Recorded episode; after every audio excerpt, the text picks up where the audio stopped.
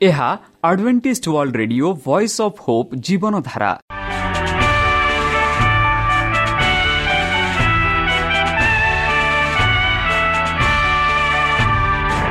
Odia radio କାର୍ଯ୍ୟକ୍ରମ ଯାହା ଆମର ଆନ୍ତର୍ଜାତୀୟ ଆଘାତ କେନ୍ଦ୍ରରୁ ପ୍ରସାରଣ କରାଯାଉଛି ପ୍ରତିଦିନ ରାତି ନଅଟା ତିରିଶ ମିନିଟ୍ରେ। ମୁଁ ସୁବ୍ରତ କୁମାର ପତି ପ୍ରେମର ସହ ଆପଣମାନଙ୍କୁ ଏହି କାର୍ଯ୍ୟକ୍ରମକୁ ସ୍ୱାଗତ କରୁଅଛି। ଚାଲନ୍ତୁ ଆଜିର ତିରିଶ ମିନିଟ୍ର କାର୍ଯ୍ୟକ୍ରମ ବିଷୟରେ ଜାଣିନେବା। ପ୍ରଥମେ ରଖିଛୁ ଆଧ୍ୟାତ୍ମିକ ଭକ୍ତିମୟ ଗୀତ। ଏହାପରେ ଶୁଣିବା ସ୍ୱାସ୍ଥ୍ୟ ବିଷୟରେ ଯାହା ଆମର ଦୈନିକ ଜୀବନରେ ଅତ୍ୟନ୍ତ ଜରୁରୀ। ଆଉ ପରିଶେଷରେ ଶୁଣିବା ପରମେଶ୍ୱରଙ୍କ ଭକ୍ତଙ୍କଠାରୁ ଜୀବନଦାୟକ ଈଶ୍ୱରଙ୍କ ବାକ୍ୟ। ପ୍ରିୟ ଶ୍ରୋତା ତାହେଲେ ଚାଲନ୍ତୁ ଶୁଣିବା ଏକ ଆଧ୍ୟାତ୍ମିକ ଭକ୍ତିମୟ ଗୀତ। লিভি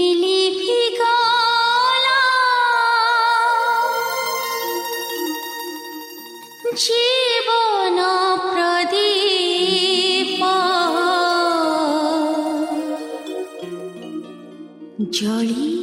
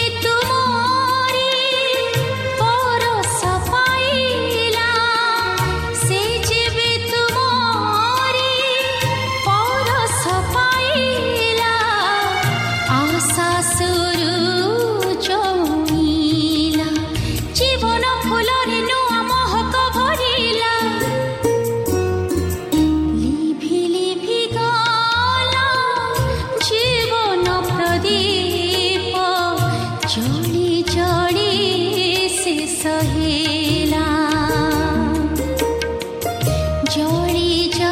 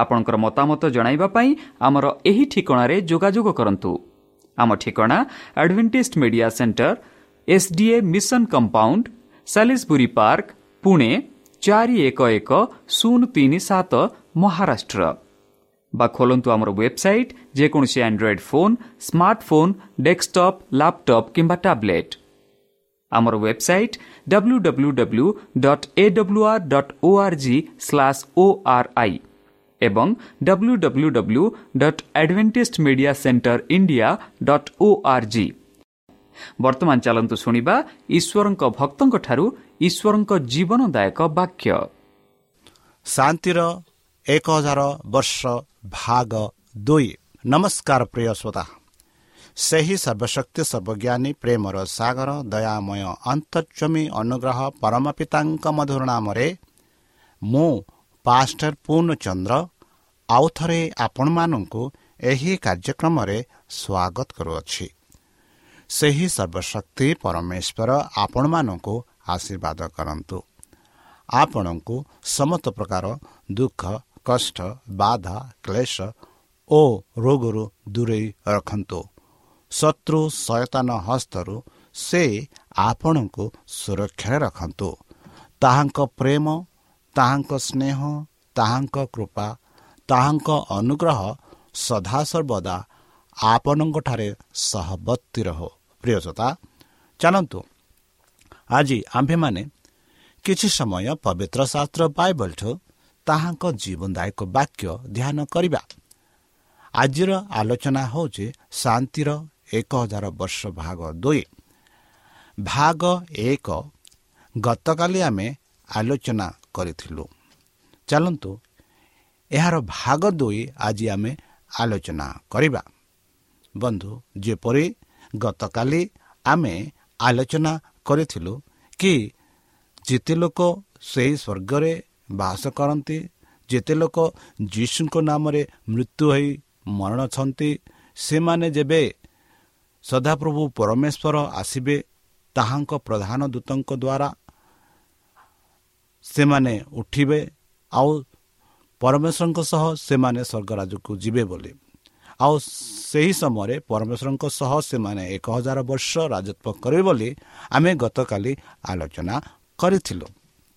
ଯେପରି ଆଜି ଆମେ ଦେଖୁଅଛୁ ଜିରିମିୟ ଚାରି ତେଇଶ ଟୁ ସତାଇଶ ଜେରିମିୟ ଭବିଷ୍ୟତ ବକ୍ତା ଲେଖନ୍ତି ଏହିପରି ମୁଁ ପୃଥିବୀ କି ଅନାଇଲି। ଆଉ ଦେଖ ତାହା ନିର୍ଜନ ଓ ଶୂନ୍ୟ ଥିଲା। ଆକାଶ ମଣ୍ଡଳକୁ ଅନାଇଲି। ଆଉ ତହିଁରେ ଦୀପ୍ତି ନଥିଲା। ମୁଁ ପର୍ବତମାଳାକୁ ଅନାଇଲି। ଆଉ ଦେଖ ସେସବୁ କମ୍ଫିଲେ ଓ ଉପ ପର୍ବତ ସବୁ ଏଣେ ତେଣେ ଦୋହଲିଲେ। ମୁଁ ଅନାଇଲି। ଆଉ ଦେଖ କେହି ମଣିଷ ନଥିଲା ଓ ଆକାଶର ପକ୍ଷୀ ସବୁ ପଳାଇ ଯାଇଥିଲେ। ମୁଁ ଅନାଇଲି ଆଉ ଦେଖ ସଦାପ୍ରଭୁଙ୍କ ଚାମରେ ଓ ତାହାଙ୍କ ପ୍ରଚଣ୍ଡ କ୍ରୋଧ ସମ୍ମୁଖରେ ଉର୍ବ ଉର୍ବରା କ୍ଷେତ୍ର ମରୁଭୂମି ଓ ତହିଁର ନଗର ସଖଳ ଭଗ୍ନ ହୋଇଥିଲା। କାରଣ ସଦାପ୍ରଭୁ ଏହି କଥା କହନ୍ତି ସମୁଦାୟ ଦେଶ ସଂସ୍ଥାନ ହେବ ତଥାପି ଆମ୍ଭେ ନିଃଶ୍ୱସ୍ତ ରୂପେ ନାଶ କରିବା ନାହିଁ ବନ୍ଧୁ। ଏଠି ଜେରିମିୟ ଭବିଷ୍ୟତ ଭକ୍ତା ଏହିପରି ବର୍ଣ୍ଣନା କରି ଲେଖନ୍ତି ସେ ଚାରିପଟେ ଅନାଉ ଅଛନ୍ତି ଆଉ ସେ ଦେଖନ୍ତି ଚାରିପଟେ ନିର୍ଜନ ଓ ଶୂନ୍ୟ ତାହା ନୁହେଁ ସେ ଦେଖିଲେ ଆକାଶ ମଣ୍ଡଳରେ ଦୀପ୍ତି ନଥିଲା ମାନେ ସୂର୍ଯ୍ୟ ଚନ୍ଦ୍ର ନଥିଲା ତାହା ନୁହେଁ ସେ ଦେଖିଲେ କି ପର୍ବତ ସବୁ ଏଣେ ତେନେ କମ୍ପିଲେ ବୋଲି ଦେଖୁଅଛି। ସେ ମଧ୍ୟ ଦେଖୁଛନ୍ତି କି ସେହି ସମୟରେ ମଣିଷ ନଥିଲେ ସାରା ପୃଥିବୀରେ ମଣିଷ ନଥିଲେ। ତାହା ନୁହେଁ ଆକାଶର ପକ୍ଷୀ ସବୁ ମଧ୍ୟ ନଥିଲେ ଆକାଶର ପକ୍ଷୀ ମଧ୍ୟ ନଥିଲେ। ସଦାପ୍ରଭୁଙ୍କ ଛାମୁରେ ଓ ତାଙ୍କ ପ୍ରଚଣ୍ଡ କ୍ରୋଧ ସମ୍ମୁଖରେ ଉର୍ବାର କ୍ଷେତ୍ର ମରୁଭୂମିରୁ ଓ ତହିଁର ନଗର ସକଳ ଭଗ୍ନ ହୋଇଥିଲା ବୋଲି ଆମେ ଦେଖୁଅଛୁ। କାରଣ ସଦାପ୍ରଭୁ ଏହି କଥା କହନ୍ତି ସମୁଦାୟ ଦେଶ ସଂସ୍ଥାନ ହେବ ତଥାପି ଆମ୍ଭେ ନିଷେଧ ରୂପେ ନାଶ କରିବା ନାହିଁ। ବନ୍ଧୁ କେଡ଼େ ସୁନ୍ଦର ଭାବରେ ଜେରିମିୟ ସେହି ଶେଷ ଦିନର ଘଟଣାକୁ ବର୍ଣ୍ଣନା କରି କହୁଛନ୍ତି। ଯେପରି ଆମେ ଗତକାଲି ଆଲୋଚନା କରୁଥିଲୁ ଶୟତାନ ଯେ କି ହଜାର ବର୍ଷ ସେହି ଅନ୍ଧ ପାତାଲରେ ବନ୍ଧନ ହୋଇ ରହିଥିବ ତାହା ବିଷୟ ଆମେ ଦେଖିଥିଲୁ। ଜିଖିରିୟ ଚଉଦ ଚାରି ପାଞ୍ଚରେ ଆମେ ଦେଖୁଅଛୁ। ପୁଣି ସେହିଦିନ ପୂର୍ବ ଦିଗରେ ଜିରୁସାଲମର ସମ୍ମୁଖସ୍ଥ ଜୈଲତୁଣ ପର୍ବତରେ ତାହାଙ୍କର ଚରଣ ଥୁଆ ହେବ ଓ ଜୈତୁଣ ପର୍ବତର ମଧ୍ୟ ଦେଶ ପୂର୍ବ ଓ ପଶ୍ଚିମ ଦିଗରେ ବିଦିଷ୍ଟ ହୋଇ ଅତି ବୃହତ୍ତ ଏକ ଉପତ୍ୟାକ୍ତା ହେବ। ଆଉ ପର୍ବତର ଅର୍ଦ୍ଧେକ ଉତ୍ତର ଦିଗ ଆଡ଼େ ଓ ଅର୍ଦ୍ଧେକ ଦକ୍ଷିଣ ଦିଗ ଆଡ଼େ ଘୁଞ୍ଚିଯିବା ଆଉ ତୁମ୍ଭେମାନେ ଆମ ପର୍ବତଗଣର ଉପତ୍ୟାକ ଦେଇ ପଳାୟନ କରିବ।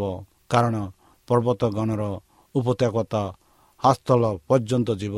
ହଁ ତୁମେମାନେ ଜୁହୁଦାର ରାଜା ଉଷିୟର ସମୟରେ ଯେପରି ଭୂକମ୍ପର ଆଗରୁ ପଳାୟନ କଲ ଯେପରି ସେପରି ପଳାୟନ କରିବ ଆଉ ସଦାପ୍ରଭୁ ମୋ ପରମେଶ୍ୱର ଆସିବେ ଓ ତାହାଙ୍କ ସଙ୍ଗେ ସବୁ ପବିତ୍ର ପ୍ରାଣୀମାନେ ଆସିବେ। ବନ୍ଧୁ ଯେବେ ପରମେଶ୍ୱର ଆସିବେ ଏହି ପୃଥିବୀ ଭୂକମ୍ପରେ ଆମେ ଦେଖୁଅଛୁ ବର୍ତ୍ତମାନ ସାରା ପୃଥିବୀରେ ଯେଉଁ ଚିହ୍ନ ଗୁଡ଼ାକ ଆମେ ଦେଖୁଅଛୁ ଏହି ଚିହ୍ନ ବିଷୟରେ ଆମକୁ ଦର୍ଶାଉଛି।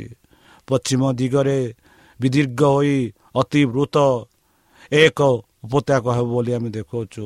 ପର୍ବତର ଉର୍ଦ୍ଧେକ ଉତ୍ତର ଦିଗ ଆଡ଼େ ଓ ଉର୍ଦ୍ଧେକ ଦକ୍ଷିଣ ଦିଗ ଆଡ଼େ ଘୁଞ୍ଚିଯିବ ବୋଲି ଆମେ ଦେଖୁଅଛୁ।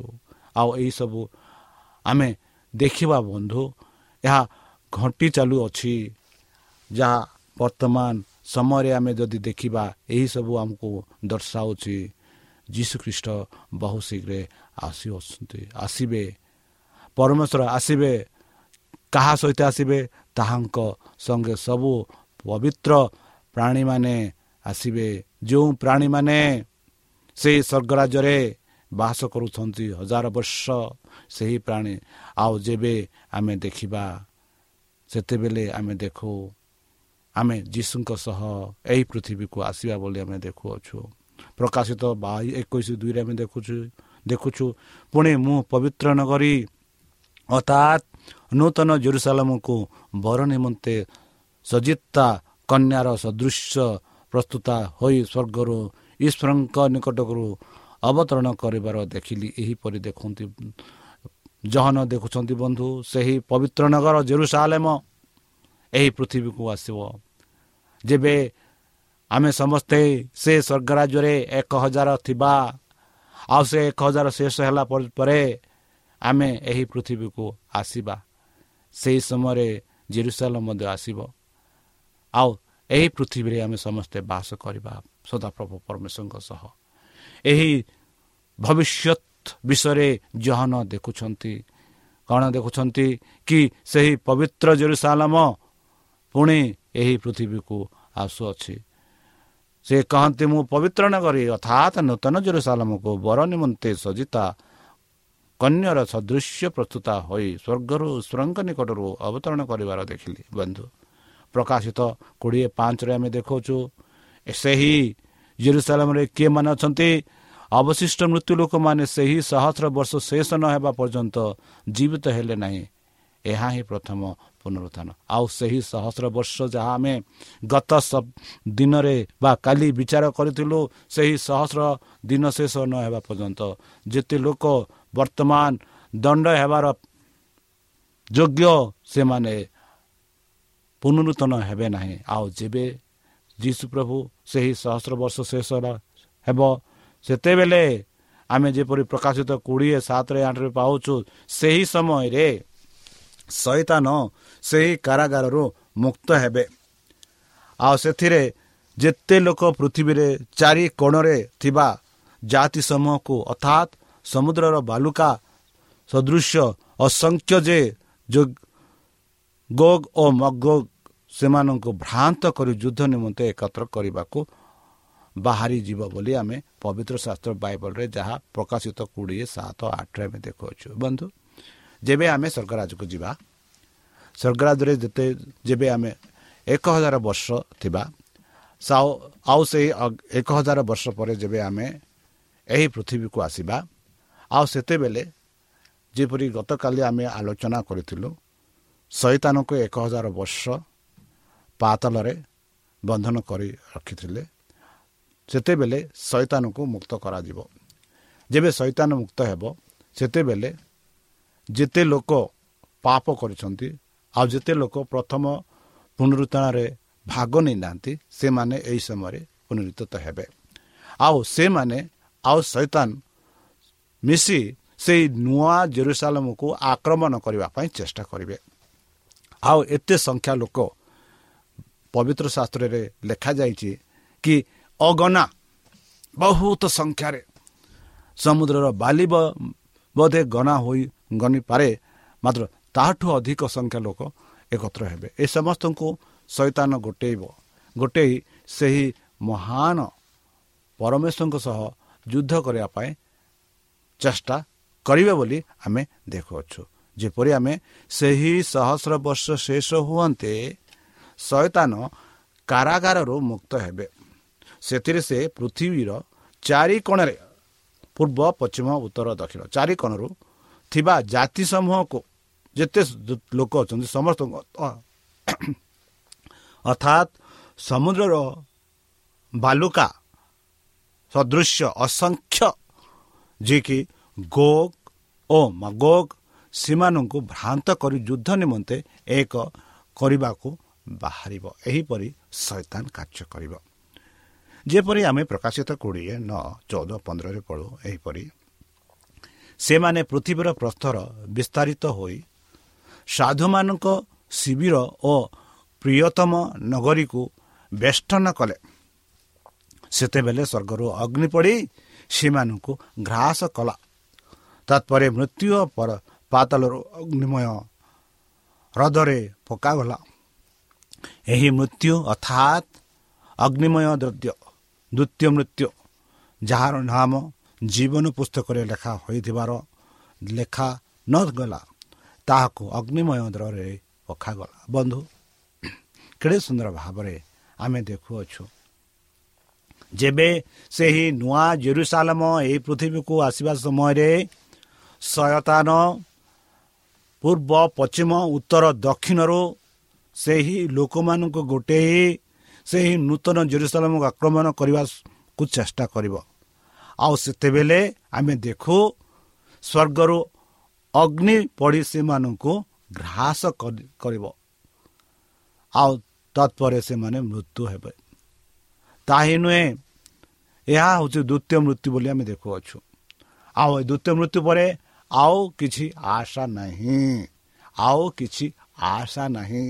ମାନେ ମଣିଷ ଏକାଥର କଲା ଆଉ କାହିଁ ଏ ଦ୍ୱିତୀୟ ମୃତ୍ୟୁ ହେଲା? ଯେହେତୁ ଏହି ବ୍ୟକ୍ତିମାନଙ୍କର ନାମ ଜୀବନ ପୁସ୍ତକରେ ନଥିଲା ଏହି ଲୋକମାନେ ଏହି ପୃଥିବୀରେ ଅତ୍ୟାଚାର ବିଭିନ୍ନ ପ୍ରକାର ଦୁର୍ନୀତ ବିଭିନ୍ନ ପ୍ରକାର ଭୁଲ କାମ କରିଛନ୍ତି।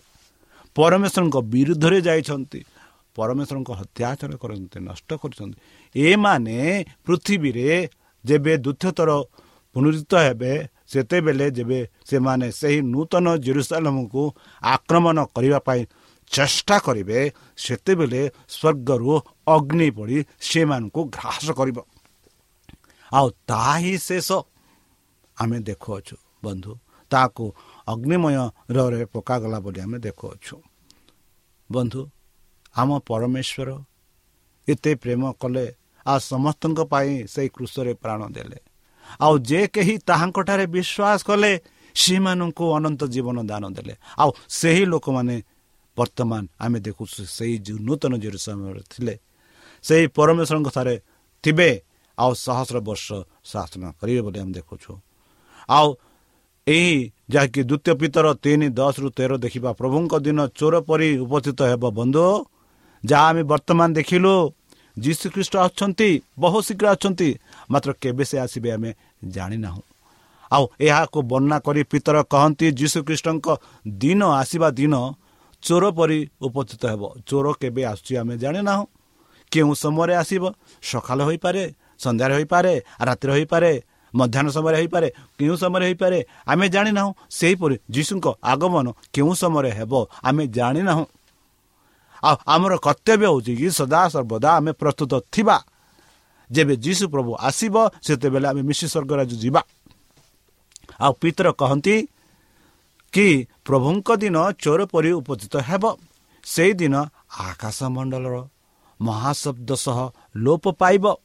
ପୁଣି ମୌଳିକ ବସ୍ତୁ ସବୁ ପ୍ରଚଣ୍ଡ ଉତ୍ତାପରେ ତରଳିଯିବ ଏବଂ ପୃଥିବୀ ଓ ତନ୍ତସ୍ତ ମଧ୍ୟସ୍ଥ ମନୁଷ୍ୟକୃତ ବସ୍ତୁ ସବୁ ଦଗ୍ଧ ହେବ। ବନ୍ଧୁ ଏଇ ଯେଉଁ ତାପରେ ଯାହା ପଦ ଆମେ ଦେଖୁଅଛୁ ପୁଣି ମୌଳିକ ବସ୍ତୁ ସବୁ ପ୍ରଚଣ୍ଡ ଉତ୍ତାପ ତରଳିଯିବ ଏବଂ ପୃଥିବୀ ଓ ଜନଦସ୍ତ ମଣିଷକୁ ବସ୍ତୁ ସବୁ ଦଗ୍ଧ ହେବ। ଏହିସବୁ ଆମେ ଦେଖୁଅଛୁ ବର୍ତ୍ତମାନ ପୃଥିବୀର ଯାହା ପୃଥିବୀର ଘଟଣା ପୃଥିବୀ ଦ୍ୱାରା ଆମେ ଦେଖୁଛୁ ଯାହା ଆଗରେ ଯେଉଁପରି ପୃଥିବୀ ଥିଲା ବର୍ତ୍ତମାନ ପୃଥିବୀ ଏକବାର ଭିନ୍ନ।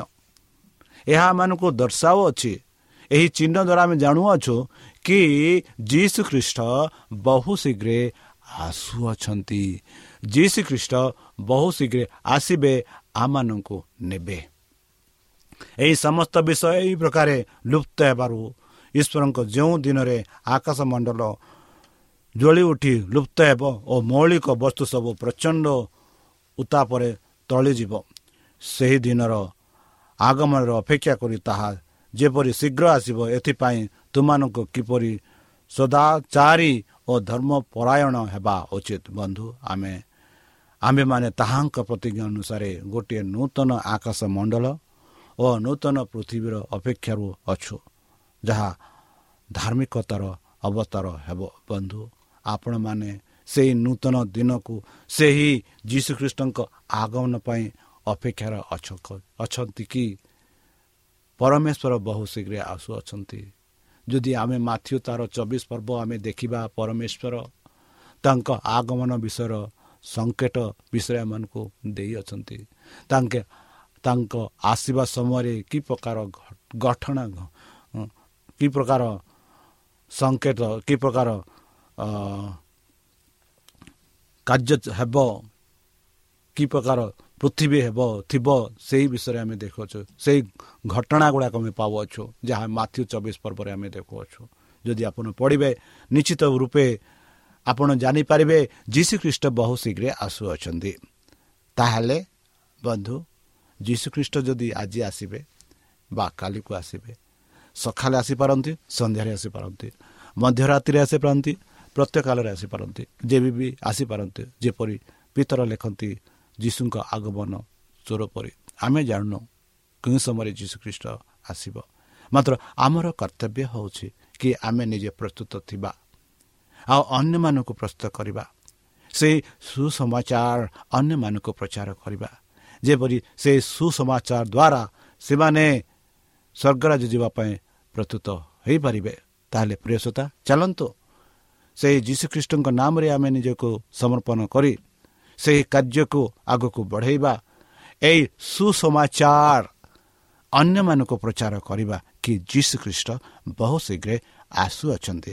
ଆଉ ଯେବେ ଯୀଶୁଖ୍ରୀଷ୍ଟ ଆସିବେ ଯେତେ ଲୋକ ତାହାଙ୍କଠାରେ ବିଶ୍ୱାସ କରିଛନ୍ତି ସେମାନେ ସ୍ୱର୍ଗରାଜକୁ ଯିବେ।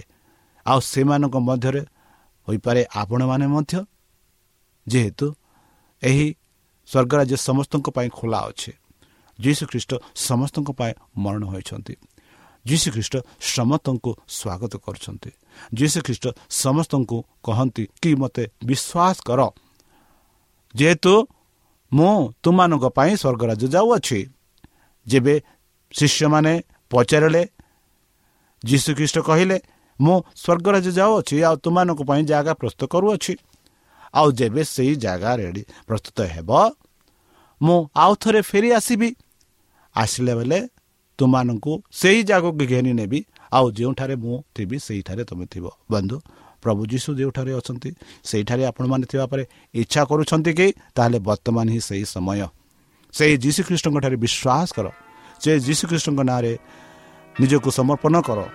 ଆଉ ତାଙ୍କ ଆଗମନ ତାଙ୍କ ଆଗମନ ପାଇଁ ତୁମେ ଅପେକ୍ଷାରେ ରୁହ। ଆଉ ନିଶ୍ଚିତ ଭାବେ ସେହି ପବିତ୍ର ଆତ୍ମା ଆପଣମାନଙ୍କୁ ଏକ ମାର୍ଗଦର୍ଶନ ଦେବେ। ଯେପରି ଯୀଶୁଙ୍କ ଯୀଶୁଖ୍ରୀଷ୍ଟଙ୍କ ଆଗମନ ପାଇଁ ସେ ପ୍ରସ୍ତୁତ କରିବେ। ତାହେଲେ ପ୍ରିୟସତା ଚାଲନ୍ତୁ ନିଜକୁ ସମର୍ପଣ କରି ତାହାଙ୍କ ମଧ୍ୟର ନାମରେ ଆମେ ପ୍ରାର୍ଥନା ଉତ୍ସର୍ଗ କରିବା। ହେ ଆମ୍ଭମାନଙ୍କ ସର୍ବଶକ୍ତି ସର୍ବଜ୍ଞାନୀ ପ୍ରେମର ସାଗର ଦୟାମୟ ଅନ୍ତର୍ଜମୀ ଅନୁଗ୍ରହ ପରମ ବିଦା। ଧନ୍ୟବାଦ ଅର୍ପଣ କରୁଛୁ ପ୍ରଭୁ ବର୍ତ୍ତମାନ ଯେଉଁ ବାକ୍ୟ ତୁମ ସେହି ଭକ୍ତ ଶୁଣାଇଲେ ସେ ବାକ୍ୟ ଅନୁସାରେ ଏମାନଙ୍କୁ ଚଳିବା ପାଇଁ ବୁଦ୍ଧିରେ ଜ୍ଞାନରେ ଶକ୍ତିରେ ପରିପୂର୍ଣ୍ଣ କର। ଆମ ପାପ ସବୁ ତୁମ ସେହି ବହୁମୂଲ୍ୟ ରକ୍ତରେ ପରିଷ୍କାର ରୂପେ ଧୋଇ ଦିଅ। ଆମମାନଙ୍କୁ ତୁମ ସେହି ଦ୍ୱିତୀୟ ଆଗମନରେ ବିଶ୍ୱାସ କରି ଆଉ ସେହି ଦ୍ୱିତୀୟ ଆଗମନ ପାଇଁ ନିଜକୁ ପ୍ରସ୍ତୁତ ହେବା ପାଇଁ ପବିତ୍ର ହାତ ଦ୍ୱାରା ଏମାନଙ୍କୁ ପରିଚାଳନା କର। ଆଉ ପରିଶେଷ ଯେବେ ତୁମେ ତୁମ ସେହି ସହସ୍ର ଦୂତଙ୍କ ସହ ଆପଣା ସାଧୁମାନଙ୍କୁ ସଂଗ୍ରହ କରିବା ନିମନ୍ତେ ଆସିବେ ସେତେବେଳେ ଆମମାନଙ୍କୁ ଏକ ବାସସ୍ଥାନ ଦିଅ ବୋଲି ତ୍ରାଣକର୍ତ୍ତା ପ୍ରଭୁ ଯୀଶୁଙ୍କ ମଧୁରମୟ ନାମରେ ଏହି ଛୋଟ ବିକ୍ଷମ ଅଛି ଶୁନି ଗ୍ରହଣ କର। ଆମେନ୍। প্রিয় শ্রোতা আমি আশা করুଛୁ ଯେ ଆମର କାର୍ଯ୍ୟକ୍ରମ ଆପଣମାନଙ୍କୁ ପସନ୍ଦ ଲାଗୁଥିବ ଆପଣଙ୍କର ମତାମତ ଜଣାଇବା ପାଇଁ ଆମର ଏହି ଠିକଣାରେ ଯୋଗାଯୋଗ କରନ୍ତୁ ଆମ ଠିକଣା Adventist media centre S DA mission compound Salisbury park Pune ଚାରି ଏକ ଏକ ଶୂନ ତିନି ସାତ ମହାରାଷ୍ଟ୍ର ବା ଖୋଲନ୍ତୁ ଆମର ୱେବସାଇଟ୍ ଯେକୌଣସି android phone smartphone desktop laptop କିମ୍ବା ଟ୍ୟାବ୍ଲେଟ୍ ଆମର website W W W dot A W R dot O R G slash O R I ଏବଂ W W W dot Adventist media centre India dot O R G Adventist media centre ଇଣ୍ଡିଆର spelling ହେଉଛି A D VE N T I S T M E D I A CE N T R E I N D I A ଅଥବା download କରନ୍ତୁ ଆମର mobile app আপনার mobile play store কু যাঁতু আউ type করন্তু the voice of hope আউ download করন্তু ঈশ্বর আপনকু আশীর্বাদ করন্তু ধন্যবাদ